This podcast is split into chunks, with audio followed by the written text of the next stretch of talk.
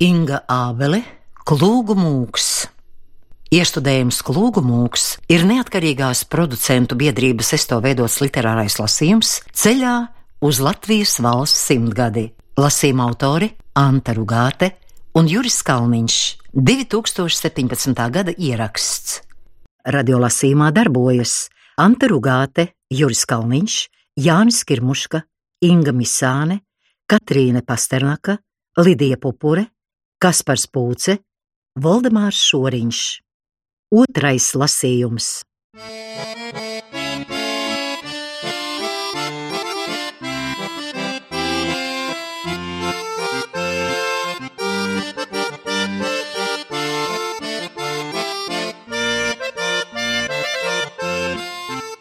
Zvani norimst, ērģeles apklust, Franci pārņem asa panikas lēkme. Līdzīgi tai smagmei kādu izjūt lidotājs, kura lidmašīnai gaisā apstājies dzinējs un kurš saprot, debesīs vēl neviens nav palicis. Tajā brīdī blakus noklabs smaga dzelzs kurpe. Tas ir kāds zirgs, ko saimnieks ar vaļīgiem grožiem piemetinājis pie slitas, pats viesodamies traktierī. Lielas, maigas nāsis apošņā sebalda pakausī, iepūš te vienā, te otrā ausī siltu elpu. Spēcīga samta augšlūpa paknibina skaustu un uzgrūž uz acīm katliņu. Saka, brāl, nav jau vēl tik slikti. Francis paskatās augšup. Viņš ierauga zirga lielās vaicājošās acis ar asarām acu kaktiņos un zīdaino muti, kuru izkropļo smagais līdz spīdumam nozelētais mutes dzelzis. Zirgs paberzē kustīgo snuķi pret sebalda plecu, notriepja meiteli ar slienām un auza pelavām, bet Francis nedusmojas. Ko tu gribi no manis, kūmeliņa? Maizes rīcēm? Nē, man ir galīgi tukšas kabatas. Bet zirgs, redzēdams cilvēka neattapību, ar purnu iedod kārtīgu grūdienu sebaldam mugurā. Sebalds pieceļas, notīra sienu no biksēm un uzliek cepuri taisni. Zirgs stāv viņam pretī, silts un dzīvs, reliefs, saules apspīdēts tēls.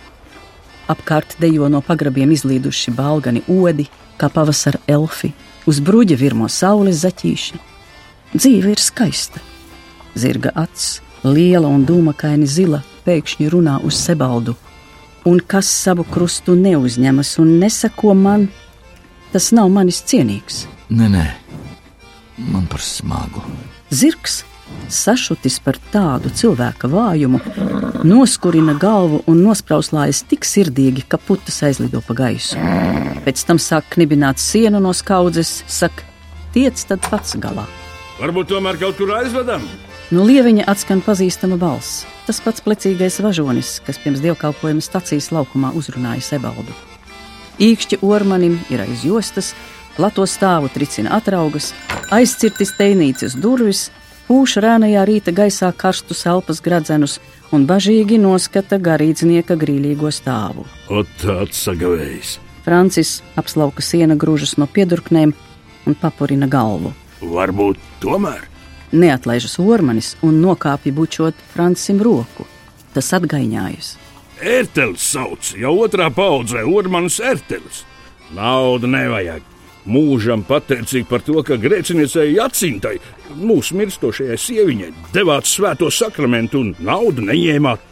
Toreiz mums bija nosprādzis zirgs, kuldā nekapeiks. Paši gribējām Daugavā lēkt. Jūs priecinājāt, kopā lūdzāties līdz pēdējam brīdim. Renu, tagad aizvest varam. Sebalds cenšas atcerēties grēcinieci Jacintu. Izvadīšanas referents ieskanas Sebalda prātā. Kungs, uzklausi manu balsi, no dziļumiem uz tevi, kungs, es saucu. Atmiņā uzplaiksnīja neskaitāmas istabas, smagi pielādētas ar nāves smaku, kā baržas Saherontas upē.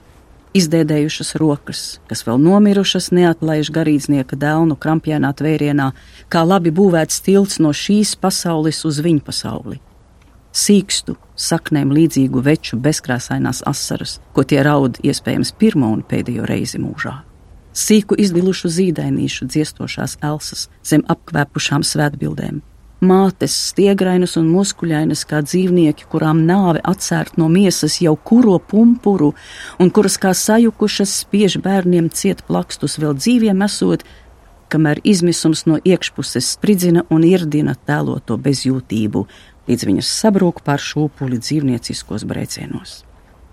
Svētais sakraments slimajiem ar tīfu, tuberkulozi, sifilisu, krampiem, nosalušajiem un noslīkušajiem, vai difterijas noslēpētajiem siltās ziedoņa naktīs, lepnos akmens namos vai dēļu būdās, kur cauri paviļām lodā žurkas un posts, kur un kāda bija baznīcas kunga Sebalda pēdējā tikšanās ar šī laipnā cilvēka sievu. Nevarādams atminēties, Francis nespēcīgi pamāja ar zodu, it kā būtu ko atcerējies, un bez atrunām ieraušas kališā, lai vēl. Sirds apvidū viļņojas, sāpīgs tukšums, it kā neviens tur vairs nesēdētu un neskaitītu sebalda laiku. Viņš nemaz nezina, vai tiktu saviem spēkiem līdz mājām. Uz kurijas māju katoļielā? Francis tikai pamāja ar roku. Nu! Pēc tās adreses jau agrāk bieži braucām, ir no rītiem, ir pusnaktīs. Baznīcas kungu plāni vajadzēja mājās atgādāt pēc kafešantāniem. Ir no Kazarova vīna pagraba, ir no sukuma, ļaustījās pa visu Rīgu. Kā mirona hēlām kališā iekšā un pēc tam atkal ārā. Par plecu stiepā pa trepēm. Tā kā var teikt, arī esam savus svētos sakramentus dalījuši. Kratīdamies ar galvu pret atlaisto raspusku, Francis redz ormaņa veselīgā smieklā atriestos lielos baltos zobus. Aprīļa saule asina staru tuteņus pret tiem kā pret tecīlu, un piemiektās acīs leca žilbuma dzirkstelis. Francis piever plakstus.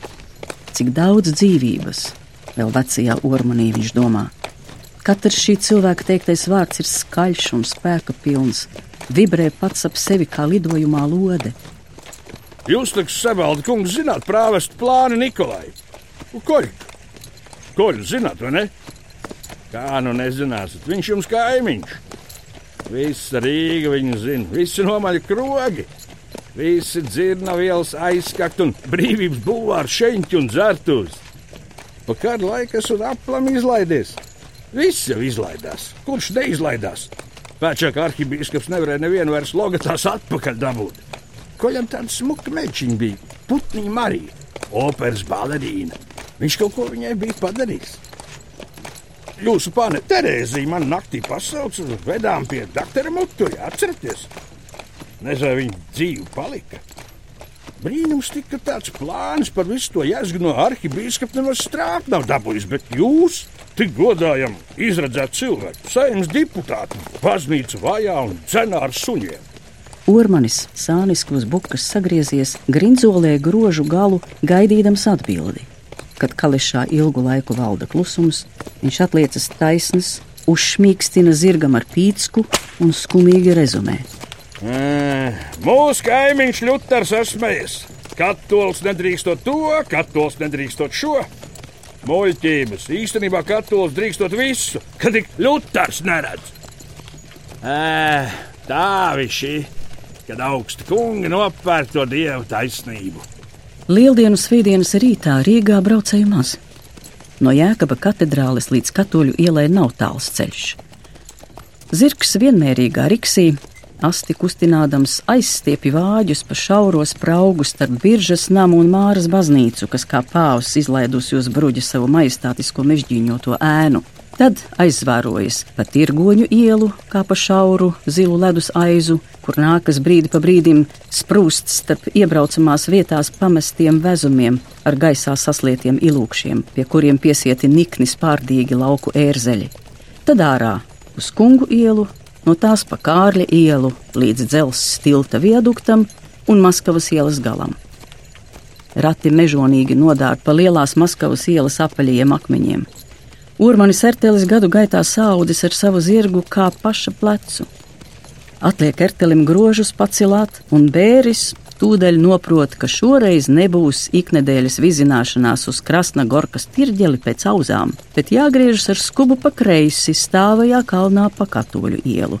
Tas viņam nepatīk, tāpēc piepūlē īgni jāpieglauž ausis. Pretī nāk daži desmit jaunieši no katoļu biedrības, kas nesen nodibināta pie Franciska baznīcas. Te arī beidzies rezurekcijas dievkalpojums un atlicis brīvs brīdis līdz summai, lieldienu lielajai misei. Viņa nāk un nāk, pilna iela, šķiras kā straume erteļa priekšā, met biklus, bet ziņkārus skatienus kališā. Glīti saģērbti, gludi nosukāti jauni cilvēki, dziesmu grāmatas pie krūtīm piespieduši no teātra kopas, no sporta kopas, no kora. Francis ierauja zem atlaistās skulbas krokām sauga ar kakta ēnu. Nesen pats roku pielicis šīs biedrības dibināšanai, tagad vēlas palikt nemanīts. Negrib atbildēt uz sveicieniem. Karapačka strauji nostāja pie 19. nama parādes durvīm. Apkārt valda nomalis klusums. Tikai vārnas ķērts liepās.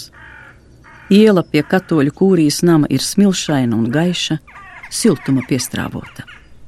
Pavasaris, kas šogad nācis ar spējiem nevaldāmiem atkušņiem, lieldienās šķiet pārdomājam sadarīto. Tad nu tagad mēs būtu pie katoļiem. Francis ir sāniski sagāzies pret melno sēdekļa polsterējumu. Par skūto bālo vaigu rit asara, spoža kā pērle. Ormanis pārbīstas, atsit savu ādas skoteli, nomet cimdus un nolec no bukas.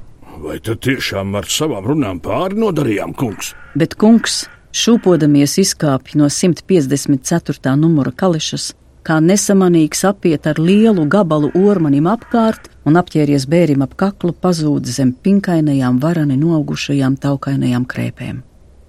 Viņš raud kā mazs bērns, piespiedis vaigu zirga zīdainajiem ganašiem, pīdamies apkalto iemauktu lenču ādas pušķos.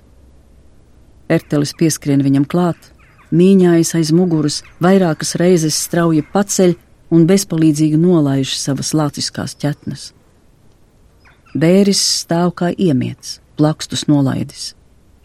Beidzot, Sebelts nespējā atkrīt no viņa kakla, ormanis satver, neļauj nogāzties dubļos. Ak, mans dievs, kungs! Sebalts apķeras ormanim ap spēcīgo sprandu. Tas paceļ viņu un ienes mājā. Pirmajā stāvā apstājas, neziņā lūkodamies uz kāpnēm. Debat, debat. Ormanis viņu nostāda uz kājām, atbalstījies pret sava dzīvokļa durvīm. Francis meklē kabatā durvju atslēgas. Paldies! Ejiet, lūdzu! Ormanis aizskrien.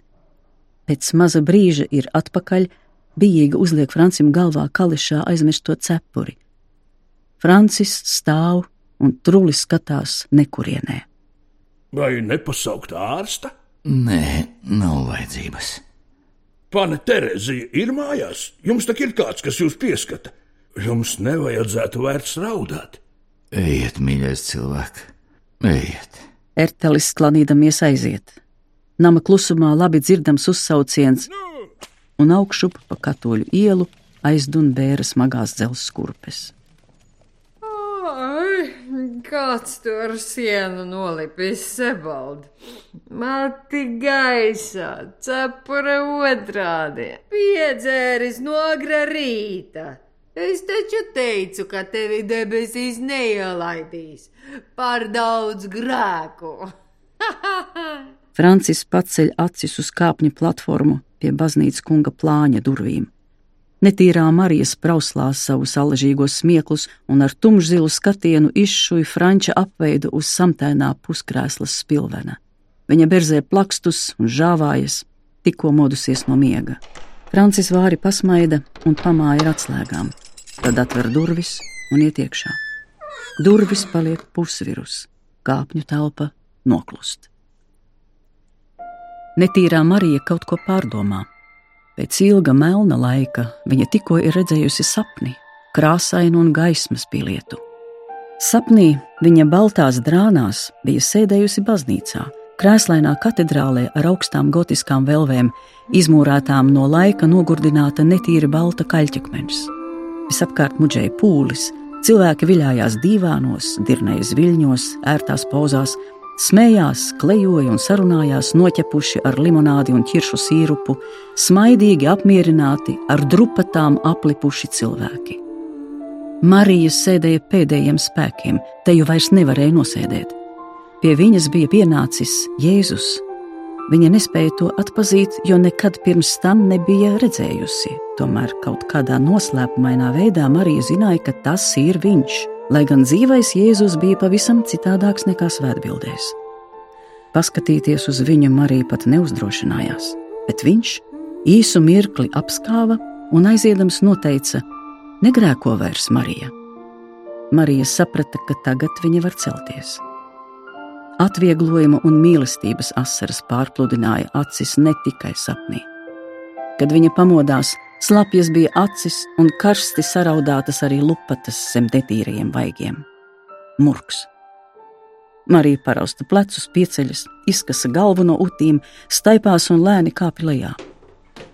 Pie sebalda durvīm viņa nostāja, uzmanīgi ieklausīdamās dzīvokļa klusumā.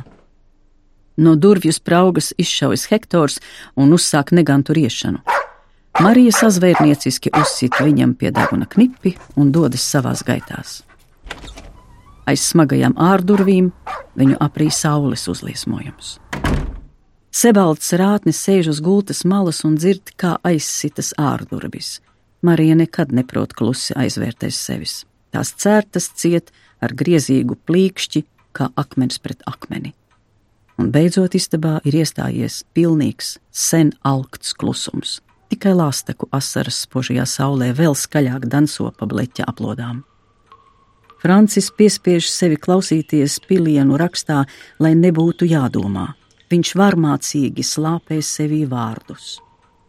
Visu ceļu ormaņa kališā pa galvu jaukušās latīņu frāzes no viņa aizstāvības vēstules Romas pāvestam un arī tās pretējās, apsūdzošās, kas vēstīja par viņa ekskomuniku.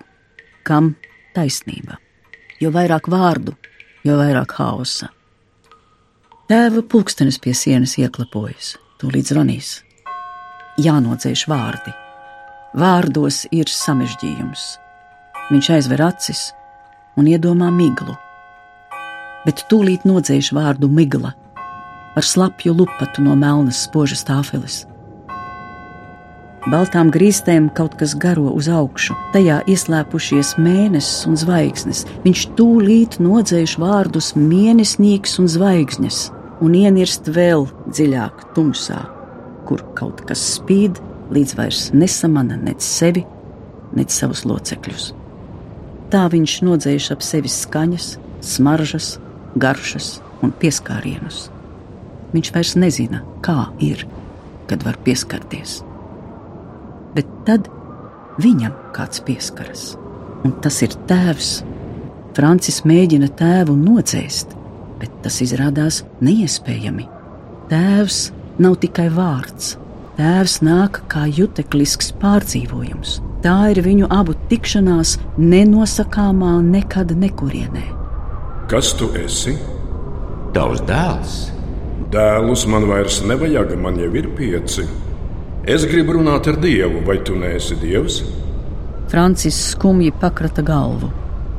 Viņš īsti nezina, ir vai nav Dievs, bet zina skaidri, ka vēl nav Francis. Šo zināšanu asmenis ir appusgriezīgs, nav viegli to pārciest. Tā ir sadalīšanās. Asmenis šķērē lineāru laiku vertikālās vienlaikus sloksnēs. Mācību stunda Francim pašam par sevi. Viņš atkal ir Jēlgavā, preparē paraudziņus, nolicis zem mikroskopa Franci Sebaldu. Aparts lauks, smārts pēc māliem, pēc mēsliem, pēc pavasara, silts mātes klēpis, kad tajā iespiež galvu, un tikko kauts jērs.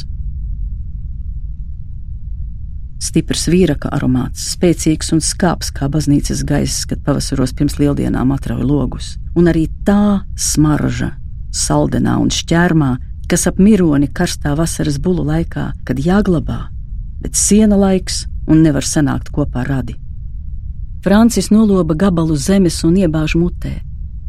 Tas izrādās zīdaiņa knupis, nozīžļāts lins ar tajā ietītu rupmaizes, kunkuci un cukura druskām saldi rūkts. Viņš to izspļauj un atver muti pret miglu. Migla iešļācas mutē, kā baba salmas darīta medalus misa, salkana, reibinoša. Pēc tam pēkšņi no visām pusēm viņu apstājas skaņas. Baznīcas zvanu trauksmainā lingošana, sīks nervozs zvārgulis pie risaka loka, ērģeļu melodijas un priestera dziedājums. Un zūzes balss kopā ar lietus putna vīterošanu pirms lietus. Viņš atver acis, ir pirmā pēcpusdienas stunda. Starp pulksteņa elsienu un sitienu Francis bija aizkritis laikam aiz oderes. Laiks, viņa prātī, ir jutekļiem tverama lieta, un sirds varbūt ir galvenais franča juteklis, paša sabeigts. Rau, cik nevienmērīgi klinkā zem ribām, gāzelēdamās kā aizšauts putns. Lūk, arī tagad. Stundiņa tikšķi sirdi hipnotizē, dzen uz priekšu lēkšos vajadzētu reiz to pulksteni apturēt. Lai klus, kamēr baznīcas kungs savedīs sevi atpakaļ sevī kā sienu šķūnī. Tad viņš atminas pazaudēto stundiņa atslēgu. Nav šaubu, pulkstenis drīz apstāsies pats.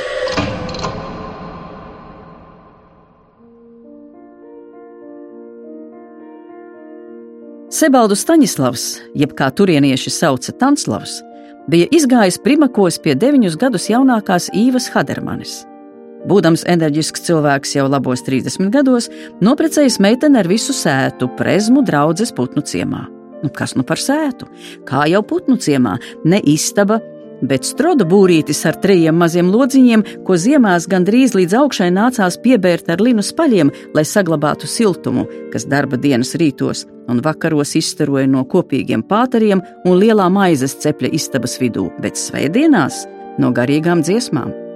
Lai kādi steidzami darbi darāmi Tanslavs, tāpat kā visi viņa katoļu senči, ļāva traucēt svētdienu mieru tikai ar dziesmām un baznīcā braukšanu.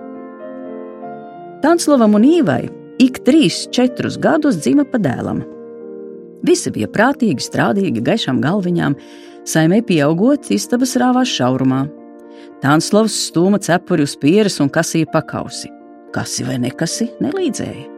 Kopīgajās ēdienreizēs pēc pāteriem, kad visi sasēdās ap lielo galdu virtuvē, Īvai ar vienu pietrūka gaļas šķēles, bija jāiztiek ar putru vien. Tanslavam bija žēl Īvas, Viņš pataisīja skaistu māras koka skapi, ar ko istabā atdalīja vienu lodziņu īvai vienai pašai. Īvai skapis patika. Viņa apgleznoja to ar eņģeļiem un puķēm. Tad ielika aiz skapja gultu, novilka šņurīti līdz sienai, iekāra tajā aizkaru ar izšūtiem putniem. Tā viņa ar Tanslavu varēja nošķirties no saimes. Īva zināja, ka blakus gulēšanas siltums baro svētīgāk par gaļas šķēli un ārstē labāk par apriņķa ārstu. Sētā jau bija pieci dēli - Antons, Ignats, Donats, Joņš un Jēzus. Jau Tanslavs domāja, ka dzīve iegājusi nemainīgās sliedēs, kad Vitebskas guberņu pāršalca pārmaiņu vēji. Cars 1861. gadā atcēla dzimtniecību, un zemniekiem savu zemi vajadzēja izpirkt. Zemnieku izvēle nebija plaša. Divas iespējas Tie, kuri piederēja kādam dzimtkungam, palika uz savas zemes un maksāja par to mušturim, bet zemnieki, kuri piederēja valstī, sadalīja un izpirka valsts, jeb kroņa mūžas.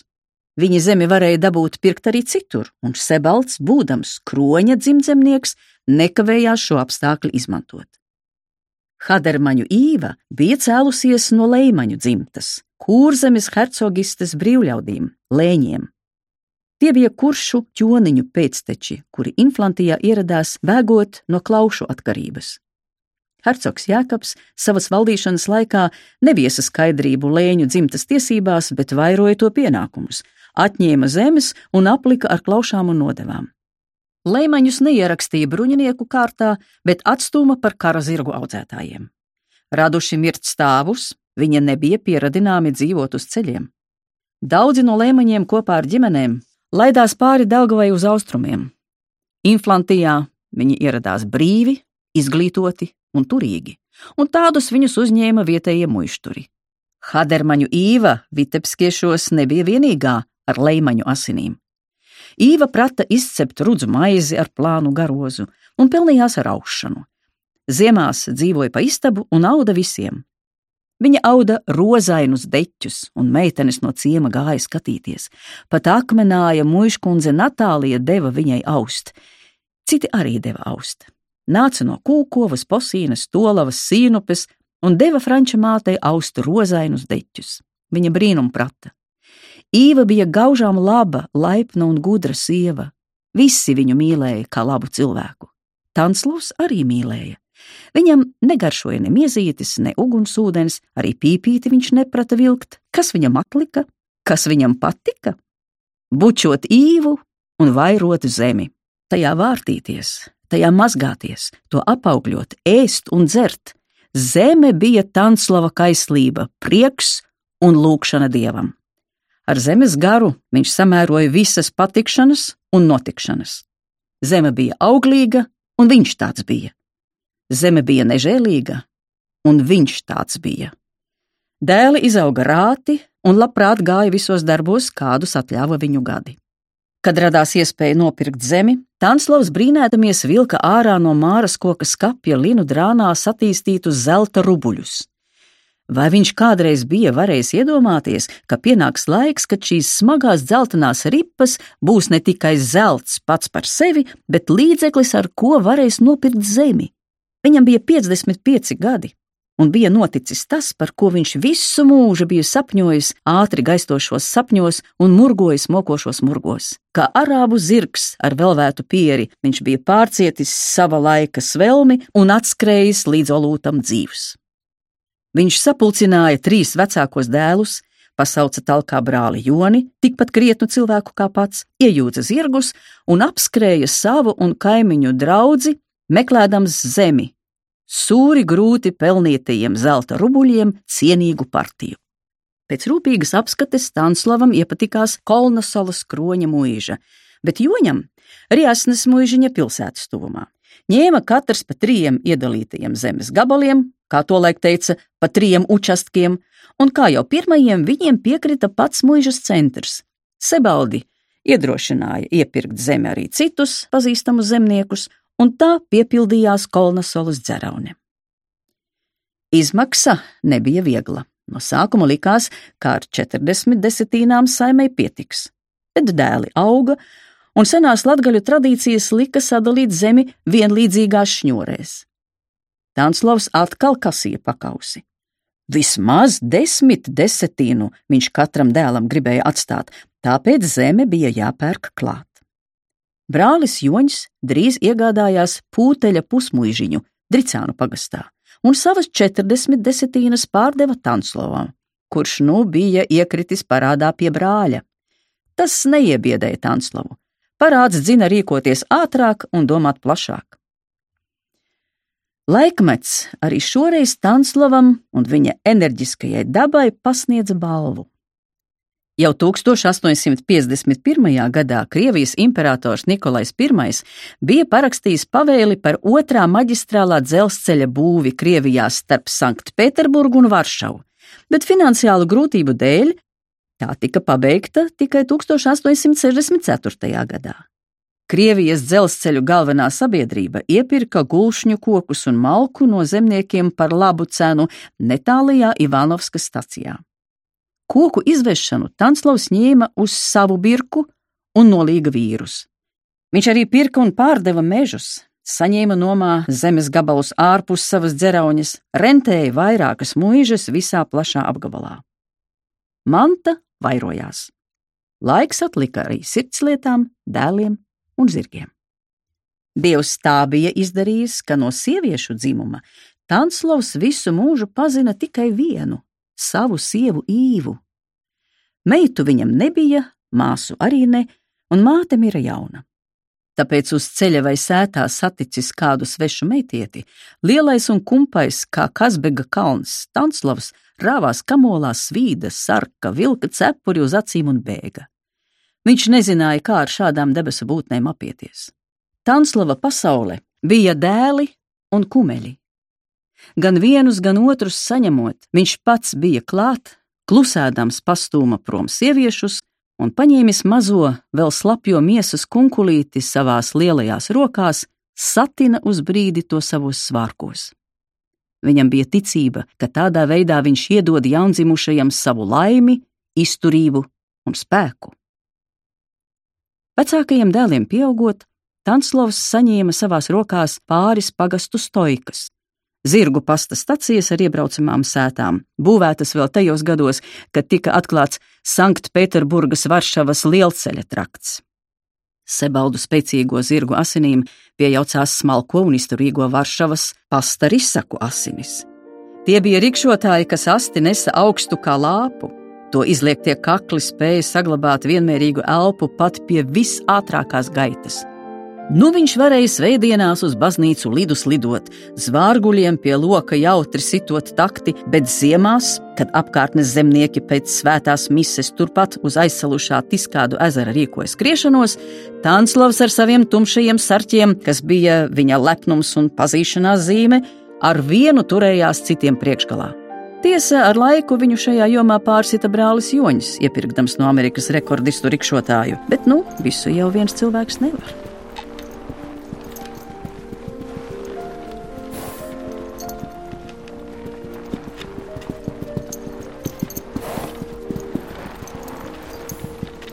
Es jau ceru, ka svētā jumpra varēs pagriezīs savas žēlīgās acis uz mani arī un dos man meitu.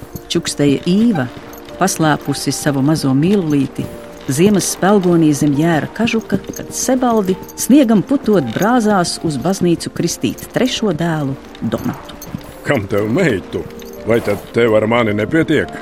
Īva nopūtās. Viņai būtu gribējies reiz tā mierīgi atsēsties uz soliņa istabas priekšā un parunāties ar kādu saprotošu dvēseli. Citādi apkārt vīri vien, un tie jau nav runātāji.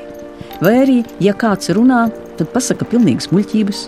Nē, runāšana nebija vīru talants. Pavisam citādi ar sievām varēja saprasties.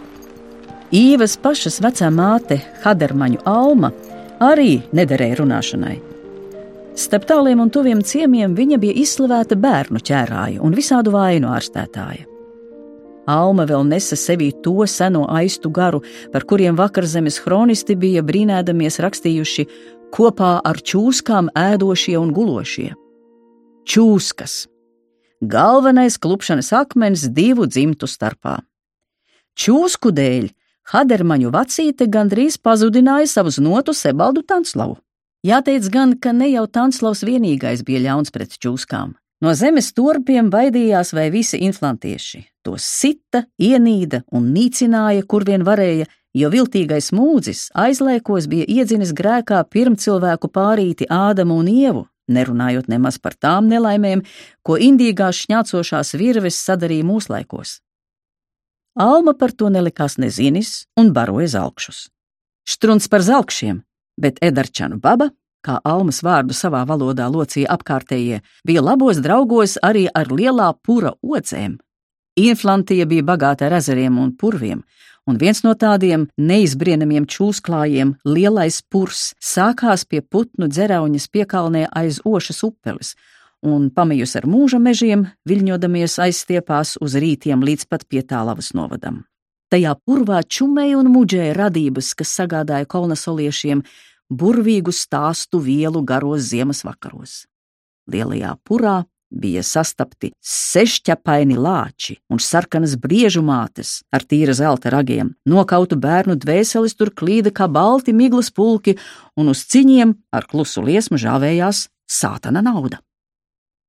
Protams, ne katrs šos brīnumus dzīves laikā pieredzēja savām acīm, bet odzes gan bija manījis katrs. Aizupes klānos siena laikā tās gulēja vai zem katra čaukstoša siena klēpja un sabaidītas cirta katram liels tas vai mazs.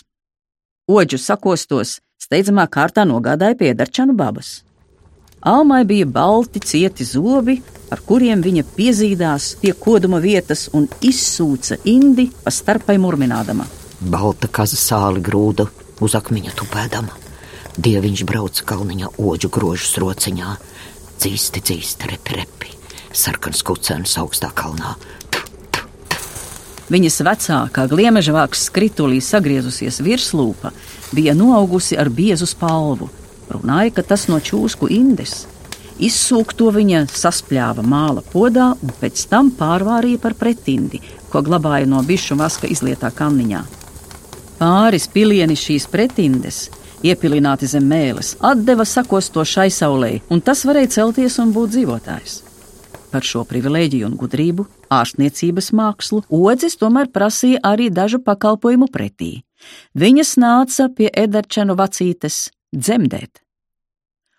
Oģu dzemdību stāsti garos ziemas vakaros putniešiem šķita vēl šerminošāki par sešķapainajiem lielā pūra lāčiem. Daža sieva to prata visos sīkumos izstāstīt. Alma, šūpojot un vilinot dzemdējošo odzi savā raibajā vilnas skorā, čūska lokoties radību sāpēs negausāk par dzemdējošu sievieti, bet Alma, bubinādama pašsacerētas lūkšanas, to mierinot.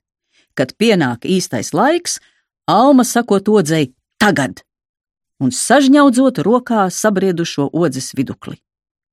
Tās atvera tūlīt izspļaujot 5 līdz 15 mazus gļotainus odzēnus, citu pēc cita, viegli kā klimpas. Pateicībā par palīdzību neviens no edarčaniem nekad netika sakosts. Kad Sebaldu Tanslavs ieskatījās īvā un atnāca par iegātni, Viņš no sākuma neticēja pļāpām. Pēc tam kādu vakaru ieraudzīja, ka zelkši, viļņodami kā strauts, plūst uz sili dzert pienu. Paņēmis mēslu sekumus, viņš tos visus apkapāja svētā sašutumā, lāga neprasdams atšķirt nekaitīgu zelkti no purva odzes. Tie visi viņam bija eļņas mūģi. Iznāca Edarčānu bābārs lauceni, ieraudzīja slakteņu un iekliedzās ar savām jūras zilajām acīm, ko ietvēra tumši nelaika riņķi, bargi noskatīja Tanslavu. No tās dienas Tanslavs sāka dilt kā vecs mēnesis. Pēc nedēļas jau gluži šļauks vienā kreklā dirnēja pie pakša, kā krūtsbērns, nespēdams piecelties kājās. Viņu svilināja nejusts iekšējs karstums. Ieraudzījis īvu, viņš tik vien varēja kā bezpalīdzīgi raudāt. Zinādama mātes spējas ar skatienu aizdedzināt dusmas aizdevušā sētu, Īva lūdza Almu audzēt Tanslavu. Kuplajā viduklī Īvai jau kustējās pirmais Tanslava dēls Ontons. Alma lika Tanslavam zvērēt, ka liks torpus mierā. Tanslavs vārgi pameta ar galvu un sadzērās Almas pasniegto pienu, kamēr tas viņam guļot sāka līt pa muti ārā un pilēja gar sola malu zaļā zālītē. No tās dienas viņš atspirga, bet uz almas pusi visu dzīvi bija greizs kā koks ar nošķeltu vainagu. Nesmaida pupuriņš viņam pret sievas māti neatplauka. Zobus sakodis, noskatījās, kā siena pļavā par mātītes labvēlību cīkstās trīs oģu tēviņi, redzēja, kā odzes pārodamās savijušās glāsta vienu otru ar mēlītēm, bet vairs šiem sātana mezgliem pirkstu nepiedūra. Viņš bija aptvēris, ka sievas māte čūskas godā, nevis piecieša. Vēsums valdīja arī no pretējās puses. Kad īvai pienāca laiks dzemdēt, viņa sauca bērnu saņēmēju no otras ģerauņas malas, pašas mātei, kura bija saķērusi vai katru otro putnieti, pēc Stanslava bērniem roka nestiepās. Alma prata visādas gudrības ne tikai bērnus saņemt, Viņas krājumā bija tējas un pilieni, it visām vainām pie cilvēkiem un lopiem. Pret nelāgiem audzējiem viņa deva zemesvēju tinktūru, sirdsvainām vilkābeli, urīnu izdzina ar bērza pumpuriem, kakla pampumu noņēma ar vecu kaulu tukšā mēnesī, kārpas nosēja nost ar sarkanu dzītiņu. Cita ceļa jau sasirgušajiem nebija. Vispirms uz baznīcu, lai nosvēta, kad tas nepalīdz, tad tūlīt pie Edarčānu babas. Visam sava šalts. Viņa mēdza rāmi teikt, kamēr citi trakumā jūdzās nost. Almai bija pat burtnīcā pierakstītas labās un sliktās dienas un datumi. Almas acis bija skadras, dzedras, tumšs zilas kā jūra. Alma pati tā stāstīja, ka viņai esot jūras zilas acis.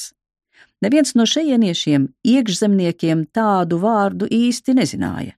Lubāns, Rāzna, Tās bija inflantiešu mīlīgās spodri zilās šolka jūras. Ja nu kāds puisis, kā vecs vīrs no cara dienesta mājās pārnācis melno jūru vai somu jūras līci pieminēja, bet to vīru bija maz, un tie paši runāja vairāk krieviski. Alma teicās jūru redzējusi. Dažkārt klānos, sienu kasot vai silā pēc sēnes liecoties, sastinga, esot tā kā jūra uzsmaržojusi. Īvai viņa bērnībā bieži stāstīja par jūru, par tās zilo augstumu, par milzīgajiem viļņiem vētras laikā, par dzintara gabaliņiem liedagā. No vecās mātes viņa bija mantojusi dzintara kakla pīni, ko visi abrīnoja, un tā sargāja valkātāju no ļaunu lāstu bultām. Īvas vecvectēvs Hadermaņu Kārlis reiz bijis jūrinieks, Alma stāstīja. Bet īvu pagātne nemaz tik ļoti neinteresēja. Viņai bija bail no mātes. Šķita, ka sīkstā sirpī saliekusies veča, kam dievs savā žēlastībā atvēlēja gadu desmitu pēc desmita, sakaltušajos pirkstos ar garajiem aplauzītajiem nagiem tur grožos visas debesu un zemes parādības. Īva māti centās uzrunāt pēc iespējas retāk, jo veča atbildēja pareizai tik jocīgi, ka neko nevarēja saprast. Pat viņas lūkšanas atšķīrās no citu dzerauņas sievu lūkšanām. Svētī Dievs manu mazo gotiņu, svētī manu darbošanos, svētī slaukšanu. Ak, Dievs, svētī katru tesmeni, svētī katru pupiņu un katru pilienu krūzē. Es esmu uz tava ceļa, Dievs, un tu esi manos soļos. Tā viņa bubināja, govis slaucot, un tas nekam nederēja. Tā bija pašas sacerēta lūkšana. Baznīcas kungi zākāja, ka kristietība Edarčana babai tikai nomazgājusi pagānu ādu, bet dvēsele palikusi tikpat nešpatna kā bijusi. Tā viņi lādējās baznīcās no ambonām, kamēr paši palika sarkani vaigā, un arī šiem cits nekas neatlika, kā pustumsā slepšu slavīties pie Edarčana babas, lai uzliek dēles uz dzīslām un atcērt no sliktām asinīm. Ko lai dara? Alma visu mīlēja radīt pati, arī sacerēt lūkšanas. Īva gribēja meitu, bet Dievs viņai to nedeva. Un kam gan Īva atstās savas prasmes, deķu aušanu un maizes cepšanu? Bet nebija lemts. Arī 4. un 5. dzima puikas.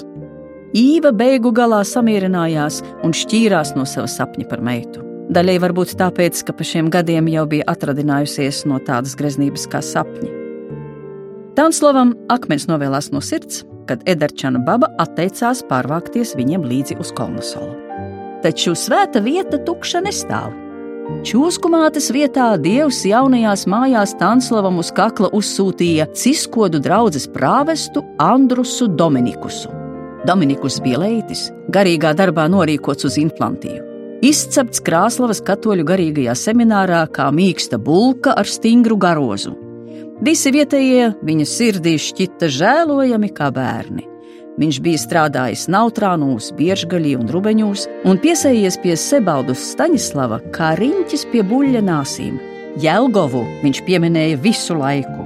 Jelgovu slavēja ar tās katoļiem, kas piederēja pie Leiša Veiskupa Mateja Valančūsa diecēzes. Gribēja inflantiešu dēlus sūtīt Jelgovas augstās skolās. Tā nebija nieka nasta šī baznīcas kunga draudzība. Dominikus bija liela auguma lācis ar vēderu kā siļķu buca un gāja ar dzerauņas puišiem spēkoties un pār sētmali lēkties, un parasti uzvarēja. Sebalts atcerējās pirmo tikšanos ar viņu. Toreiz Tanslavs ar diviem dēliem veda uz savu sētu jaunu akas svērti. Koks bija neapstrādāts, smags un garš, Tā rezgalis bija uzvelts uz sebaldu kamanām, bet dievgalis pēc pārdesmit metriem atbalstīts uz kaltām ragutiņām. Ceļu krustojumā ragutiņas noslīdēja kupenā, un vezums nekustēja vairs no vietas. Vēl Titānslava mīļotais risaks gulās, sakās un kārpījās ar kaltajām priekškājām. Ne viņš, ne saimnieki nespēja svērti izkustināt. Un te ar savu sirmi tuvojās prāvests Dominikus. Renu, netiekam vairs no vietas. Dominikus izrāpās no grīlīgā aizjūga un saspļāva saujās. Palaidiet mani! Pamēģinās! Baznīcas kundziņš! Baznīcas kundziņš satvēra svērtas dievgali un ar visām ragaviņām nolika atpakaļ uz ceļa.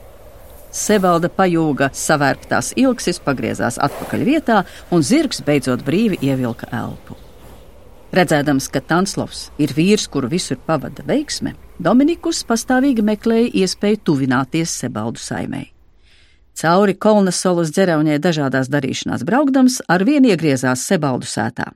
Andrus stāstīja, ka savā jaunībā dzimtenē ņēmis aktīvu dalību lietuviešu tautas nacionālās atmodas strāvā. Lai gan gadiem dzīvoju ārpus dzimtenes, ar sirdi vienmēr esmu pie savas tautas. Pats viņš to noklusēja, ko citi zināja teikt, ka pūļu dumpja laikā 1831. gadā Dominikus pat Krievu cietumā izsēdējies par to, ka Viļņā aizslaucījis dragūnus ar ilūksi. Pūļu neapmierinātību ar iekļaušanu Krievijas impērijā daudzi lietuviešu atmodas darbinieki uztvēra kā iespēju pacelt pašiem savu pašapziņu un pabrīvot nacionālos apvāršņus. Latvieši tāpat cieta zem Krievijas varas un pūļu mužniecības sloga kā lietuvieši, tāpēc Dominikus, izsūtīts trimdā uz nomaļo Vitebskas guberņu, loloja pret latviešiem simpātijas. Viņš slepeni un kaislīgi mīlēja austrumu Prūsijas dievbijīgo vecpuisi Kantu, un tāpat kā viņa elks, izjuta lielu interesi par vēstures filozofiju.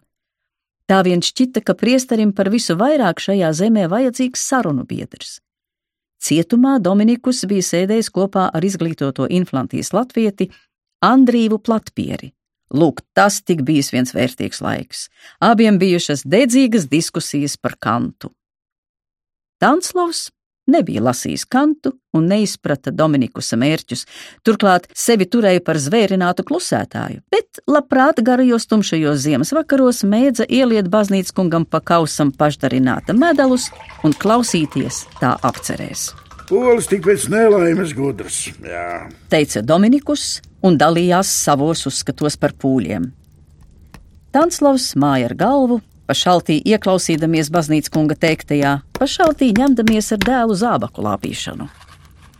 Cildenais maršals Paņatkovskis, Napoleona uzticamākais līdzgaitnieks, pēc pamatīgas sakāves trīsdienu ilgajā tauta kaujā pie Leipcigas, bezgala noguris un vīlies, virzīja savu balto zirgu uz Elsteras upes pusi, kur iecirta piešus tam sānos, Un klusošus viņus aprija Elsteres upes celme. Norasojusī alus glāze bija pusē, gasnieka dzeltenās gaismas caurmirdzēts medainais dzēriens tajā gulēja kā tumšs dzintars, pūļu lietas atkal bija pārcilātas, dienas skriešanas un nebūšanas pārunātas un atlaistas savā vaļā.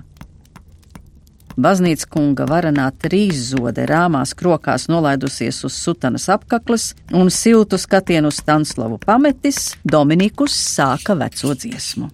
Lai Tanslav, tu dālus skolos, redzēsi, ka nebūs jūnu žāloji. Tanslavs spēja iemeta sašpēlēto zābaku kaktā. Šī nu reiz bija tēma, kas spēja iesvelt Tanslavā pretestību. Visi zināja, ka Dominikus ir liels skolu draugs un par visām varēm gribēja virzīt arī latviešu zemnieku dēlus uz skolām, kā to bija darījis dzimtenē. Kai iztikuši tāvu tāvi, tai iztiks arī dālu dāli. Saprotamu iemeslu dēļ viņš par skolām un savu dēlu skološanu nejūsmoja. Dēlu laišana skolās nebija tikai naudas jautājums, tas bija trūkstošo darba roku jautājums. Pat druskai izglītības jau dabūjuši visi Tai vai tai? Ar lielu saimi, kā parasti sacīt, var kolnus gost. Ja ģīvs dūs vēl kādu dālu, lai tas ir par baznīcu kungu. Lai kalpoja vienīgi divam. Īvas stumžzaļās acis sastapās ar Tanslava un Dominikas skatienu, un viņa ierāvās atpakaļ pakrēslī. Karstums iesitās vaigos pašai par savu pārdrošību. Kur tāda aplama doma nejauši varēja ieskriet prātā? Apkārtnē nebija neviena latviešu tautības katoļu mācītāja, neviens par tādiem nebija dzirdējis arī pagātnē. Pūļu mācītāji zākāja latviešu valodu no ambonām, un neviens baznīcā tādā nerunāja. Tā bija pagānu valoda, ko dievs nesaprot. Un, kad arī saprastu, baznīcas kungu izglītība droši vien maksāja baltu naudu. Pārticība Tanslava un Īvas dzīvē arvien turējās uz trūkuma robežas. Par spīti visiem pūliņiem, druva neražoja tik daudz, lai lielajai saimai pietiktu maizes. Parādi par zemi vēl ar vienu nebija atdoti. He, par baznīcu kungu! Skatīdamies uz savām cietajām, kā ar priežu mizu apaugušajām rokām, Tanslavs teica Andrusam: Apsažāloja par īvas glupumu. Tas tok nav īspējams. Dominikus domāja pavisam ko citu. Nevis par ziemu vai trūkumu, bet par sebaldu dēliem. Tanslavam tuvu pie 60 gadiem, īvai pie 50, vai tiešām dievam padomā sūtīt viņiem vēl kādu dēlu? Nārijas dāgunā, dīzdūt prīcu, pāredz arī stikšanu. Tanslavs sadzirdēja pagalmā strauju piebraucam. Viņš piegāja pie loga, aiz leduspuķiem neko daudz nevarēja saskatīt. Vīrs paķēra savu puskažuku no sienas vaģa un gribēja mesties ārā, bet durvis jau ņarkstēja tiem no ārā iekšā nākot. Suns rēja, tad tika atsists malā ar pīckātu. Atbraucēji sinsējas klapēja sniegu no veltiņiem, savi ļaudis. Tur bija Anrīvs Migla no attālas dzerauņas ar diviem pusauga puikām - dēlu Pīteru un tā draugu Klūgu Juzi. Ieraudzīdams piemigušo baznīcu kungu, vecais Migla pazemināja balsi, stāstīdams savu vajadzību. Tā un tā pūļi Viļņā esot sašutuši par cara Aleksandra II rīcību. Cārs impērijā atcēlis dzimtniecību, bet pūļiem savu konstitūciju negribot atļaut. Pūļi izveidojuši slepenu pagaidu nacionālo valdību, izvērsts partizāņu karš. Daudzi no tiem saķerti un pakārti pie Varšavas mūriem. Miglas bija saņēmuši zirgu pastāvu no Varšavas ziņu, lai apbruņojas dakšām, izskaptīm cirviem un steidzas uz pedaļu kalna pusi, jo no turienes nākot buntavnieki, kaudami un laupīdami. Apbruņojušies, visi metās uz sila pusi. Uzkāpa senajā, labi augstajā pilskalnā, izcelās, izgaidījās nakti, pa brīdim dansodami zem salās sprakstošām zvaigznēm, lai kāju pirkstus nepazaudētu, bet neko nesagaidījuši, atgriezās mājās. Par šo 1863. gada pūļu sacelšanās ziemu Latvijas latvieši tika sodīti ar drukas aizliegumu līdz pat 1904. gadam. Bet pūļiem cariskās Krievijas karaspēks ar savu pārsvaru ieplēsa dziļas rānas tautas dzīvajā miesā. Sacelšanās dalībniekus sašķēdīja nāves sodi un represijas. Togad uz Sibīriju tika aizdzīts pats lielākais kontingents carisma katorgas vēsturē 80 tūkstoši pūļu. Pa Sibīrijas traktu, gar svītrainajiem, sniegā ieputinātajiem verstu stabiem, nebeidzamā etapā, važām šķindot, soļoja katorznieku kolonnas. Novājējuši cilvēki pelēkos cietumnieku paltrakos vilkās baros pa 300. Cietuma frizieri bija katram nodzinuši pusi pakauša kailu, arī sievietēm. Kalēji aizkniedējuši važas, Katorznieki pieturēja savas kandelas ar rokām, lai dzelzs gredzene nesadauzītu kājas zilumos. Plaukstas bija apsaldētas un klātas ar melnām, strutojošām čūlām. Viņus apsargāja ar bāždu noauguši zaldāti melnās papahās, tikpat noguruši kā katorznieki. Mēnešiem viņa brida pa dziļajām kupenām, divas dienas ceļā, vienu atpūtās. Pakaļ brauca vezumi ar cietumnieku mantām, Uz savazātajiem maisiem gulēja pakritušie slimnieki un bērni.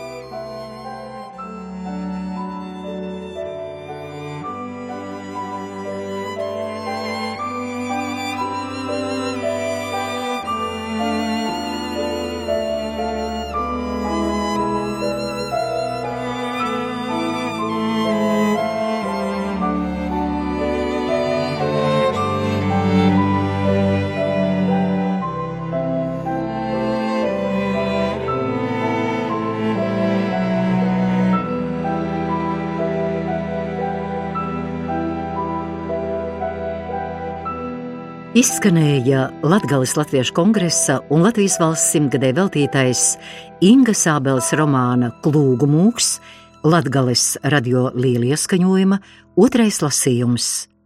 Romānā darbojās Anta Rugāte, Juris Kalniņš, Jānis Kirmuška, Inga Misāne, Katrīne Pasternaka, Lidija Pupure, Kaspars Pūce, Voldemārs Šoriņš komponists Juris Vaivots, skaņu režisors Andrijs Krenbergs, režisors Juris Kalniņš. 2017. gada ieraksts.